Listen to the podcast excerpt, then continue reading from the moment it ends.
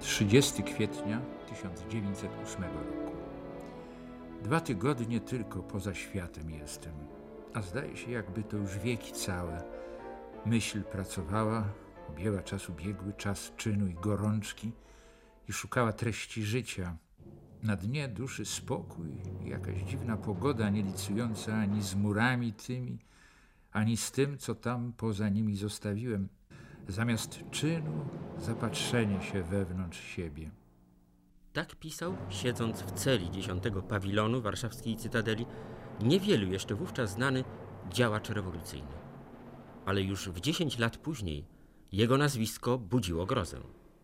W naszej galerii postaci, a może i demonów XX wieku, Felix Dzierżyński, wówczas w 1908 roku czuły jeszcze na uroki przyrody, wrażliwy na jej piękno.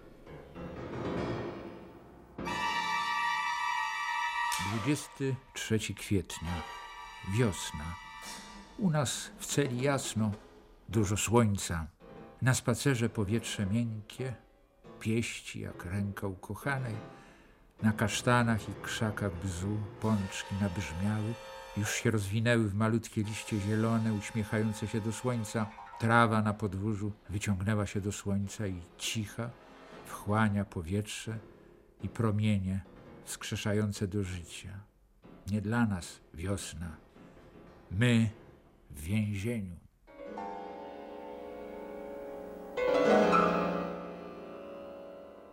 Tak, z moim gościem, profesorem Pawłem Wieczorkiewiczem, mamy dziś przedstawić człowieka, którego pomniki obalano przed kilkoma zaledwie laty z taką zajadłością i satysfakcją. E, Przede wszystkim ustalmy, czy przypomnijmy, kim był Dzierżyński, jeśli czas nie wprowadził tu pewnych korekt. Autentycznym polskim szlachcicem. Tak, oczywiście i w Polsce w latach 50. żyła jego bliska rodzina, przecież siostra. Te szlacheckie korzenie Dzierżyńskiego czy rodziny Dzierżyńskich są ogólnie znane. Sam Felix Edmundowicz nigdy swojego polskiego i szlacheckiego pochodzenia nie skrywał. Tak, ale nasza czterotomowa encyklopedia PWN, wydana w latach 70., ten fakt y, pomija skrzętnie. Właściwie jakby od kolebki był rewolucjonistą. No bo prawie od kolebki został rewolucjonistą, trzeba to powiedzieć. A propos encyklopedii, to trzeba powiedzieć, że o Dzierżyńskim pisano w manierach bądź hagiografii, jak w Związku Sowieckim i w powojennej Polsce, bądź paszkwilu albo pamfletu, jak we wznowionej kilka lat temu przedwojennej pseudobiografii, bo trudno nazwać to nawet biografią, jak z Ronikera w szeregu publikacjach zachodnioeuropejskich czy emigracyjnych rosyjskich. Więc albo czerwony oprawca i kat Rosji, albo bohater i miecz rewolucji. Wracając do tego pochodzenia, otóż urodził się w rodzinnym folwarku w Dzierżynowie, i to w ośmiańskim powiecie, na Litwie, prawda, w 1877 roku. No ojciec pochodził raczej z podupadłej szlachty. Tak, tutaj w ogóle jest taka analogia bardzo interesująca z bliskimi sąsiadami piłsudskimi. W gruncie rzeczy wiele predestynowało Dzierżyńskiego, żeby poszedł tą drogą, którą poszedł Józef Piłsudski. Jako kilkunastoletni chłopak był zajadłym polskim patriotą, który marzył o odbudowie ojczyzny i który prawdopodobnie stałby się jednym z przywódców zapewne nie z DKPIL, gdyby inaczej potoczyły się koleje jego życia, a PPS-u, a kto wie, może znalazłby się nawet w szeregach Narodowej Demokracji. Zaczytywał się w panu Tadeuszu. Mówiono, że był chłopcem milczącym, poważnym. Mama sądziła, że zostanie księdzem.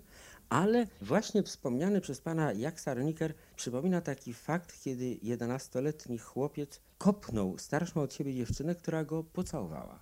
No tak, to takich historii w biografii Dzierżyńskiego jest mnóstwo. Jedna z takich plotek historycznych zasługuje na uwagę. Otóż nie ulega wątpliwości, że Dzierżyński został wygnany z domu.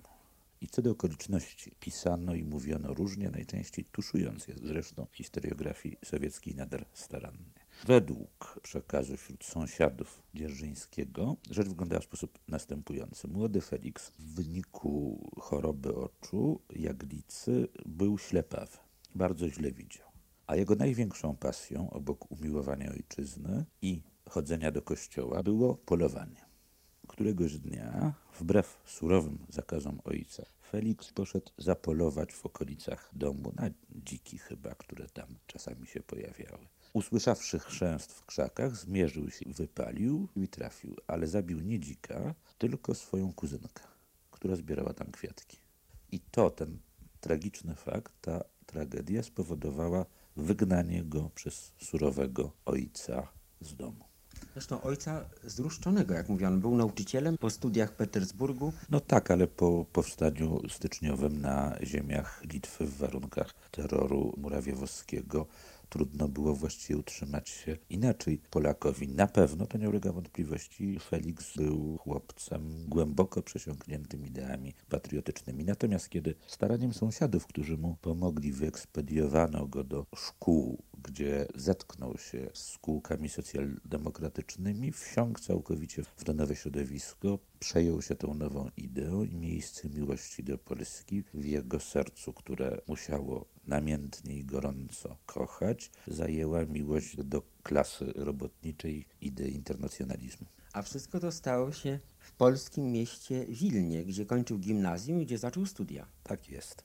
I tam, rozpoczynając działania w kółkach socjaldemokratycznych, stał się jednym z przywódców, właściwie założycielem z Różą Luksemburg, socjaldemokracji Królestwa Polskiego i Litwy. Tutaj jednak nie można absolutnie stawiać znaku równości pomiędzy tą partią założoną w 1899 roku, a późniejszą znaną z okresu międzywojennego komunistyczną partią Polski. Co prawda KPP wywodziła się z SDKPIL bezpośrednio, ale sytuacja polityczna, sytuacja społeczna ziem polskich była najzupełniej inna w końcu XIX wieku. Tam, podobnie jak na zachodzie, szereg młodych zapaleńców uważało, że w warunkach nowego, rodzącego się świata XX wieku kluczowym i właściwie jedynym zadaniem jest szerzenie haseł sprawiedliwości społecznej i walka z upośledzeniem robotników. I tymi hasłami Dzierżyński się niewątpliwie głęboko przejął. Brał udział, a właściwie już należał do czołówki w czasie rewolucji 1905 roku na terenie Królestwa Polskiego. Tak, z tym, że tutaj trzeba powiedzieć, SDKPL przed 1905 rokiem i Polska Partia Socjalistyczna, która wyraźnie już określiła swój program niepodległościowy w przeciwieństwie do SDKPL, zażarcie konkurowały czy rywalizowały, ale nie była to walka na śmierć i życie. Przywódcy obu tych ugrupowań dobrze się znali.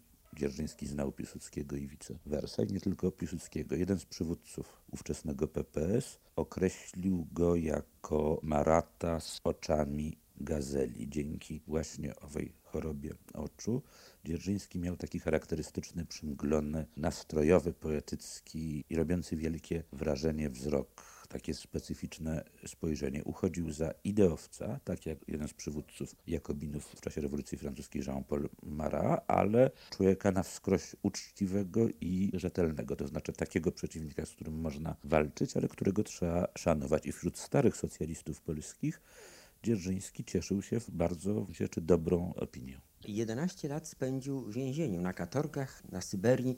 Pozostawił po sobie pamiętnik więźnia, od którego zaczęliśmy naszą audycję, świadczący o tym, że był człowiekiem wrażliwym i posługującym się językiem polskim bardzo dobrze. Po polsku mówił znakomicie przez całe życie i wydaje się, że chętniej czytał po polsku niż po rosyjsku. Nawet trudno powiedzieć, że był tak do końca zruszczony w jego tekstach pisanych po rosyjsku. Ślady polskie widać, widać, że to jednak jest jego drugi język, język wyuczony. Tutaj a propos tej katorgi, nim do tego doszło, on zaaresztowano jako, jako jeden z przywódców rewolucji wzywający do orężnej walki z caratem. Późniejszą krwiożerczość, którą mu przypisywano nie bez racji, okrucieństwo i bezwzględność, należy zawdzięczać temu, że miał być świadkiem dramatycznej sceny, takiej oto, że ochrana, czyli rosyjska policja polityczna, nie mogąc złamać go w śledztwie, na jego oczach katowała czy wręcz gwałciła jego narzeczoną. Otóż jest to wymysł od początku do końca, ale wymysł mający usprawiedliwić czy wyjaśnić to, co stało się Dzierżyńskim później. Wyszedł z ostatniego z licznych więzień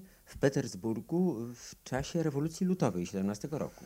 Tak, no i oczywiście, ponieważ SDKPR była już wtedy autonomiczną częścią partii bolszewickiej, partii Lenina, włączył się w działalność bolszewików. W momencie, kiedy Lenin dokonał przewrotu październikowego i zdawał sobie sprawę, że rzeczą zasadniczą, rzeczą być albo nie być jest opanowanie czy steroryzowanie społeczeństwa. Jego wybór padł na Dzierżyńskiego. To charakterystyczne, bo jednak w hierarchii partii rosyjskiej nie był działaczem pierwszoplanowym. Natomiast z punktu widzenia Lenina, jak można sądzić, wyróżniał się dwoma podstawowymi cechami. Był fanatycznym ideowcem rewolucji i jako Polak nie miał żadnych osobistych, narodowych uprzedzeń przed tym, żeby unurzać Rosję we krwi i żeby eksterminować całe grupy społeczeństwa rosyjskiego.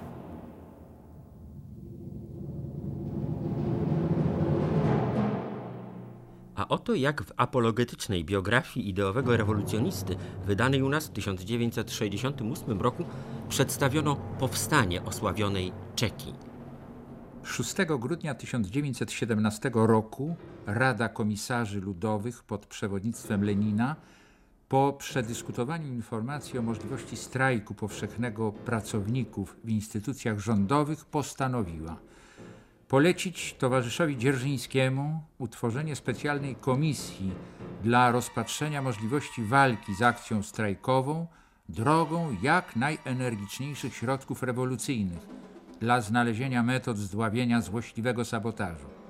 Przed zebraniem w dniu 7 grudnia Lenin posłał Dzierżyńskiemu kartkę, w której uzasadnił konieczność jak najbardziej zdecydowanej walki z kontrrewolucją i wysunął konkretne środki w tym kierunku. Wieczorem tego samego dnia Dzierżyński przedstawił Radzie Komisarzy Ludowych konkretne wnioski o organizacji i składzie komisji do walki z kontrrewolucją i sabotażem. Rada Komisarzy Ludowych zatwierdziła wniosek Dzierżyńskiego, by nazwać Komisję Ogólnorosyjską Komisją Nadzwyczajną do walki z kontrrewolucją i sabotażem, w skrócie WCK. W ten sposób utworzono czujną straż rewolucji socjalistycznej, instytucję, która była, jak wskazywał Lenin, karzącym mieczem wymierzonym przeciwko niezliczonym spiskom, niezliczonym zamachom na władzę radziecką, organizowanym przez ludzi, którzy byli bez porównania silniejsi od nas. Po to, by Komisja Nadzwyczajna stała się rzeczywistą groźbą dla burżuazji i jej agentów, należało postawić na jej czele bolszewika o kryształowej uczciwości, śmiałego i zdecydowanego, w którym splatałyby się harmonijnie gorące serce, trzeźwość umysłu, stalowa wola z nienawiścią i bezwzględnością w stosunku do wrogów. Należy na to miejsce znaleźć dobrego, proletariackiego Jakobina, mówił Włodzimierz Lenin. Komitet Centralny Partii i rząd radziecki znalazły takiego człowieka. Przewodniczącym WCK na wniosek Lenina został jednogłośnie zatwierdzony Feliks Dzierżyński.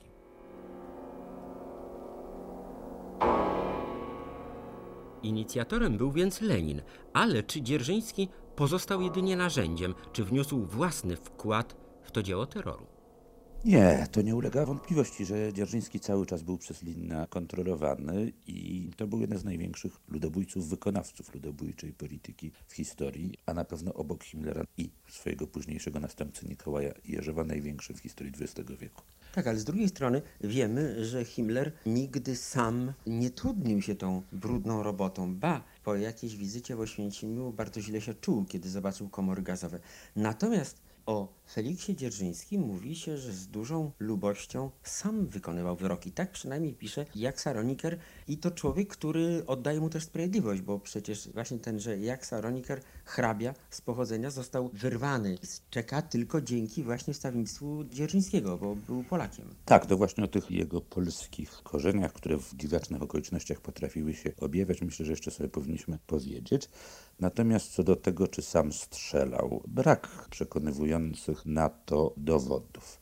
Raczej był to typ mordercy z zabiórka. Znane są na przykład takie wypadki ponieważ rzecz jasna, jak każdy szef tajnej policji prowadził tutaj pewną swoją politykę, że bywało, że potrafił nie brać pod uwagę nawet interwencji czy wstawiennictw Lenina na tej zasadzie, że informował wodza rewolucji o tym, że niestety wyrok został wykonany, podczas gdy skazaniec jeszcze czekał na pluton egzekucyjny w celi. Często zresztą, między nami mówiąc, tym wybiegiem posługiwał się Lenin, aby poprawić swoją reputację, poprawić swój imaż. Może taki krótki cytat, taka krótka wypowiedź Dzierżyńskiego na temat tego, czym jest czeka, czyli nadzwyczajna komisja. Czeka to nie sąd czeka, to obrońca rewolucji, winna troszczyć się wyłącznie o jedno, o zwycięstwo, nawet jeśli jej miecz przy tym spadnie przypadkiem na głowę niewinnych, czyli filozofia masowego terroru.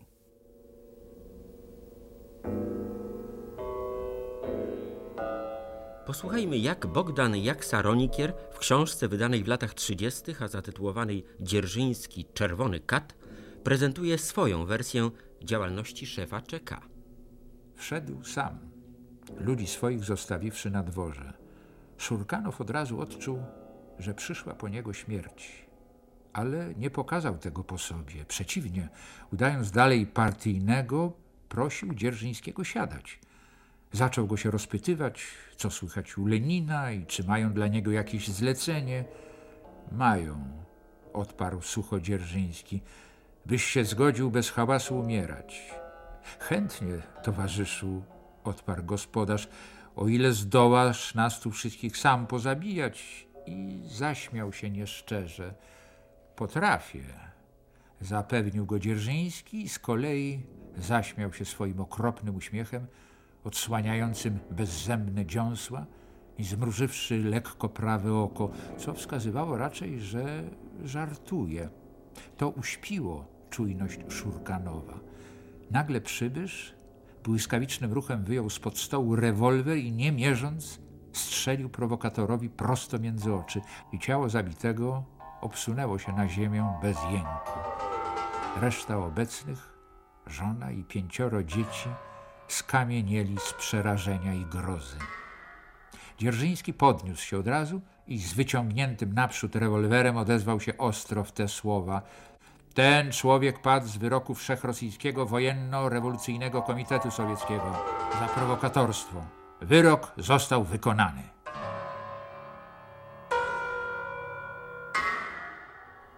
Jeszcze wracając do jego pochodzenia, czy w gronie bolszewickim był uważany za swojego człowieka, czy odnoszono się doń z rezerwą? Nie. Pierwszych latach rewolucji bolszewickiej to, gdzie kto się rodził, naprawdę nie miało żadnego znaczenia. Jeśli popatrzymy na kierownictwo WCK, zresztą też nie przypadek, składało się ono z Łotyszy, Żydów i Polaków. Był tam jeden czy dwóch Rosjan na kilkunastu czołowych funkcjonariuszy. Nic też dziwnego, że WCK było tym surowym mieczem rewolucji, który siekło przede wszystkim naród i społeczeństwo rosyjskie. Jest taka wielce znamienna anegdota. W roku 1921, podczas rokowań ryskich po zakończeniu wojny polsko-bolszewickiej, w Rydze pojawił się na pewien czas Leon Wasilewski, pierwszy minister spraw zagranicznych niepodległej Rzeczpospolitej, dawny bojownik i bojowiec PPS-u, znający Dzierżyńskiego bardzo dobrze z Warszawy z przełomu wieków. W Rydze pojawił się inkognito również Dzierżyński. Doszło do spotkania dwóch starych znajomych. Dzierżyński zapytał, Leonie, co o mnie mówią w Warszawie? Wasilewski wybuchnął. No jak to co, że jesteś krwawym katem? A na to z kolei zaperzył się Dzierżyński. Jak to powiada? Ja przecież wybijam czy usuwam Rosjan. To Rosjan było bardzo silnie podkreślone. Oczywiście pochopnym byłby wniosek, który nakazywałby widzieć w Dzierżyńskim Konrada Wallenroda, który postanowił w imię zemsty narodowej za sto kilkadziesiąt lat niewoli eksterminować wyższe klasy społeczeństwa rosyjskiego ale efekty jego działania wyglądały właśnie w ten sposób. Są znane także wypadki jego interwencji na rzecz uwięzionych w WCK Polaków, oczywiście nie wszystkich, ale często zdarzało się tak i można by listę kilkudziesięciu, a pewnie więcej nazwisk zestawić ludzi, którzy zawdzięczali to, że wyszli z lochów Łubianki czy innych więzień czekistowskich za poręczeniem i na rozkaz Dzierżyńskiego. Ale z drugiej strony chciał przecież Polsce zgotować ten sam los co rewolucyjnej Rosji. No musimy wspomnieć o tym incydencie. Republika Białymstoku, 1920 rok, Dzierżyński, Marchlewski na plebanie w Wyszkowie, czekający aż padnie Warszawa. Tak, i Felix Kohn. Oczywiście pamiętajmy o tym, że był bojownikiem rewolucji, rewolucji międzynarodowej, internacjonalistycznej, która miała przynieść wolność ludom. Przecież to pokolenie wyobrażało sobie, Dzierżyński był wśród tych, przyszłą Europę jako państwo bez granic, zjednoczoną, zbudowaną na zasadzie hegemonii czy dyktatury proletariatu i partii komunistycznej. To taka złowroga, złowróżebna, ale idealistyczna utopia ale miał dostatecznie dużo inteligencji i wyobraźni, żeby zdawać sobie sprawę z prawdy. Tego, że działa wbrew wszelkim zasadom, a także wbrew zasadom prostej, zwykłej moralności. No nie, ale pamiętajmy, że tu obowiązywała inna moralność. Tu obowiązywała moralność rewolucyjna, którą można było, ale to charakterystyczne dla całego pokolenia, określać trochę też jako moralność Galego. Znaczy to, co dobre dla rewolucji jest słuszne, natomiast to, co przynosi rewolucji szkodę, należy potępić. Innymi słowy, dla rewolucji można popełnić każdą zbrodnię i będzie to święta. Zbrodnia, najszlachetniejszy uczynek przeciwko rewolucji trzeba osądzać jako akt zbrodniczy właśnie. Miał i niepowodzenia w swojej pracy bo został odkomendorowany do zrobienia porządku na kolei. Był komisarzem do spraw kolejnictwa. No tak, potem jeszcze zajął się ekonomią. W ogóle tymi funkcjami Jerzyńskiego obwieszono jak choinkę. Trochę się to brało stąd, że w ramach przegrupowań i walki o władzę, która rozpoczęła się mniej więcej około 22 roku w związku z chorobą Lenina, w ten sposób jego potencjalni przeciwnicy, czy może ci, którzy się go obawiali, obawiali się go praktycznie wszyscy, usiłowali zneutralizować jego wpływy, co też charakterystyczne. Lenin trzymał Dzierżyńskiego cały czas na dystans. Dzierżyński wielce bolał, że Lenin nie okazuje mu pełnego zaufania, nie wprowadza go do biura politycznego, innymi słowy nie czyni z niego pierwszoplanowego działacza. W oczach Lenina Dzierżyński był znakomitym wykonawcą, ale nic więcej. Nie miał kwalifikacji na męża stanu, na politykę. Czy śmierć Lenina miała jakiś wpływ na jego losy, na jego karierę? Jakie miał stosunki ze Stalinem? O, to bardzo interesująca kwestia. Dzierżyński był człowiekiem groźnym, zwłaszcza, że stworzył wokół siebie w Czeka całą grupę ludzi oddanych właśnie przede wszystkim jemu, jego metodom działania. A było sprawą oczywistą, może nie dla wszystkich, ale na pewno dla Stalina, że ten, kto ma WCK w ręku, ten w końcu zdobędzie władzę. WCK i aparat partyjny. Dzierżyńskiego do końca trudno było pozyskać czy przeciągnąć na swoją stronę, bo był człowiekiem niewątpliwie z charakterem i z ukształtowanymi poglądami politycznymi. Z drugiej strony warto też zauważyć, że w jego zachowaniu, w jego właśnie kreowaniu się na bohatera rewolucji było wiele poz. Podczas zażartych dyskusji bywało, że Dzierżyński zapalał się i z wiecowym patosem, bo potrafił znakomicie przemawiać publicznie, wygłaszał płomienne przemówienia. Natomiast Stalin wiedząc, że nie pozyska do końca Dzierżyńskiego, starał się go przynajmniej zneutralizować. Dzierżyński uważał, że po śmierci Lenina koncepcje prezentowane przez Trockiego, a także Zinowiewa i Kamieniewa nie są tym, co jest potrzebne rewolucji rosyjskiej. Na krótko przed śmiercią, nagłą, zresztą niespodziewaną, pisał do swojego przyjaciela Waleriana Kujbyszewa. Wiem, że moje wystąpienia mogą wzmocnić tych, którzy z pewnością poprowadzą partię do przepaści. To jest Trockiego, Zinowiewa, Piatakowa, Szlapnikowa. Ale co mam w związku z tym robić? Jestem w pełni przekonany, że damy sobie radę z wszystkimi przeciwnikami, jeśli znajdziemy właściwą linię polityczną. Jeśli nie znajdziemy tej linii, opozycja przeciwko nam będzie róść i kraj znajdzie wtedy swojego dyktatora, podkreślone w tekście. To świadczyłoby o tym, że Dzierżyński zaczął obawiać się Stalina. Na rok mniej więcej przed śmiercią zaczął dawać wyraz swoim obawom co do tego, co stanie się z rewolucją rosyjską, jeśli dalej będzie kierował nią Józef Stalin. Zmarł na atak serca w 1926 roku parę godzin po wygłoszeniu właśnie kolejnego płomiennego przemówienia na plenum KC bolszewików. Tak, i to sprawa jest dość także nie do końca jasna. Najbardziej wnikliwi tropiciele zbrodni Stalina skłonni byliby się dopatrywać śmierci Dzierżyńskiego tak zwanego morderstwa medycznego, to znaczy poprzez odpowiednie kombinacje leków doprowadzenie go do stanu, w którym jego serce dość osłabione nie wytrzymałoby napięcia. Dysponujemy wnikliwą analizą konsylium lekarskiego, które badało Dzierżyńskiego na trzy miesiące przed śmiercią. Z tego materiału, a trudno wątpić o jego wiarygodności i rzetelności, wynika, że nic nie wskazywałoby na możliwą tragedię, na możliwą śmierć. Stąd też nie jest do końca wykluczone, że Dzierżyńskiemu w jakiś sposób dopomożono w tym, aby rozstał się ze światem. Z posłania Józefa Stalina na śmierć Feliksa Dzierżyńskiego. Żadne imię nie było dla burżuazji bardziej nienawistne niż imię Dzierżyńskiego, który stalowym ramieniem odpierał ciosy wrogów rewolucji proletariackiej. Postrach burżuazji, tak nazywano wówczas towarzysza Feliksa Dzierżyńskiego. Walcząc mężnie z trudnościami i przezwyciężając je, oddając wszystkie swe siły, całą swą energię sprawie, którą mu powierzyła partia, spłonął w pracy w imię interesów proletariatu, w imię zwycięstwa komunizmu. Żegnaj, bohaterze października.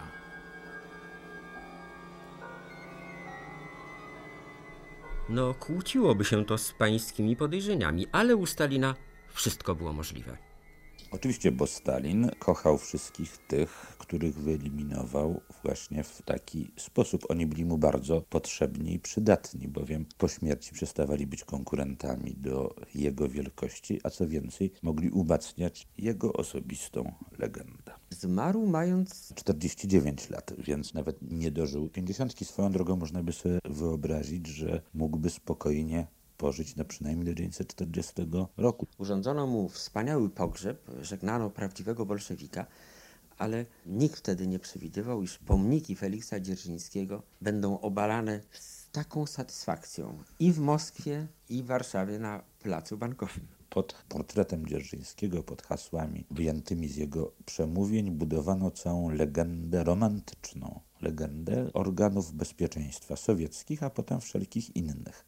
Owa romantyka czekistowska miała polegać właśnie na całkowitym, bezgranicznym oddaniu sprawie rewolucji, uczciwości, ideowości, pryncypialności itd., itd. A ponieważ owa policja polityczna była kośćcem państwa i kośćcem systemu, więc siłą rzeczy ów jej fundator, jej założyciel, jej duchowy przewodnik został postawiony bardzo wysoko na piedestałach, nawet wyżej niż by na to tak naprawdę zasługiwał ale ponieważ z owych piedestałów strącono Trockiego, Zinowiewa, Kamieniewa, Bucharina, a potem wreszcie za czasów Chruszczowa i Stalina, bardzo niewiele było miejsc dla osób, które nie budziły tego rodzaju kontrowersji politycznych. I wśród nich był Dzierżyński, który, jeżeli popatrzeć na historiografię sowiecką, ale także na propagandystykę sowiecką od lat 60., właściwie zaczął stawać się drugim, nieledwie po Leninie, oczywiście w cieniu Lenina, ale drugim przywódcą sowieckiej rewolucji. Jak powiedziałem, to znaczna w tym przesada, bo przywódcą niewątpliwie nie był, był bardzo skutecznym wykonawcą. A ponieważ uosabiał ową policję polityczną, więc cała nienawiść do niej skierowała się przeciwko niemu, przeciwko jego wizerunkom, przeciwko jego pomnikom stawianym w niezliczonych miejscach, bo nie, przecież nie tylko w Moskwie, nie tylko w Warszawie, w dziesiątkach miast Związku Sowieckiego. Symbolika Dzierżyńskiego była obecna niemal wszędzie, a cytaty Dzierżyńskiego znajdowały się nie tylko przecież w komendach tajnej i jawnej policji, ale także były dywizją organizacji komsomolskich, komsomolskich, pionierskich itd. itd.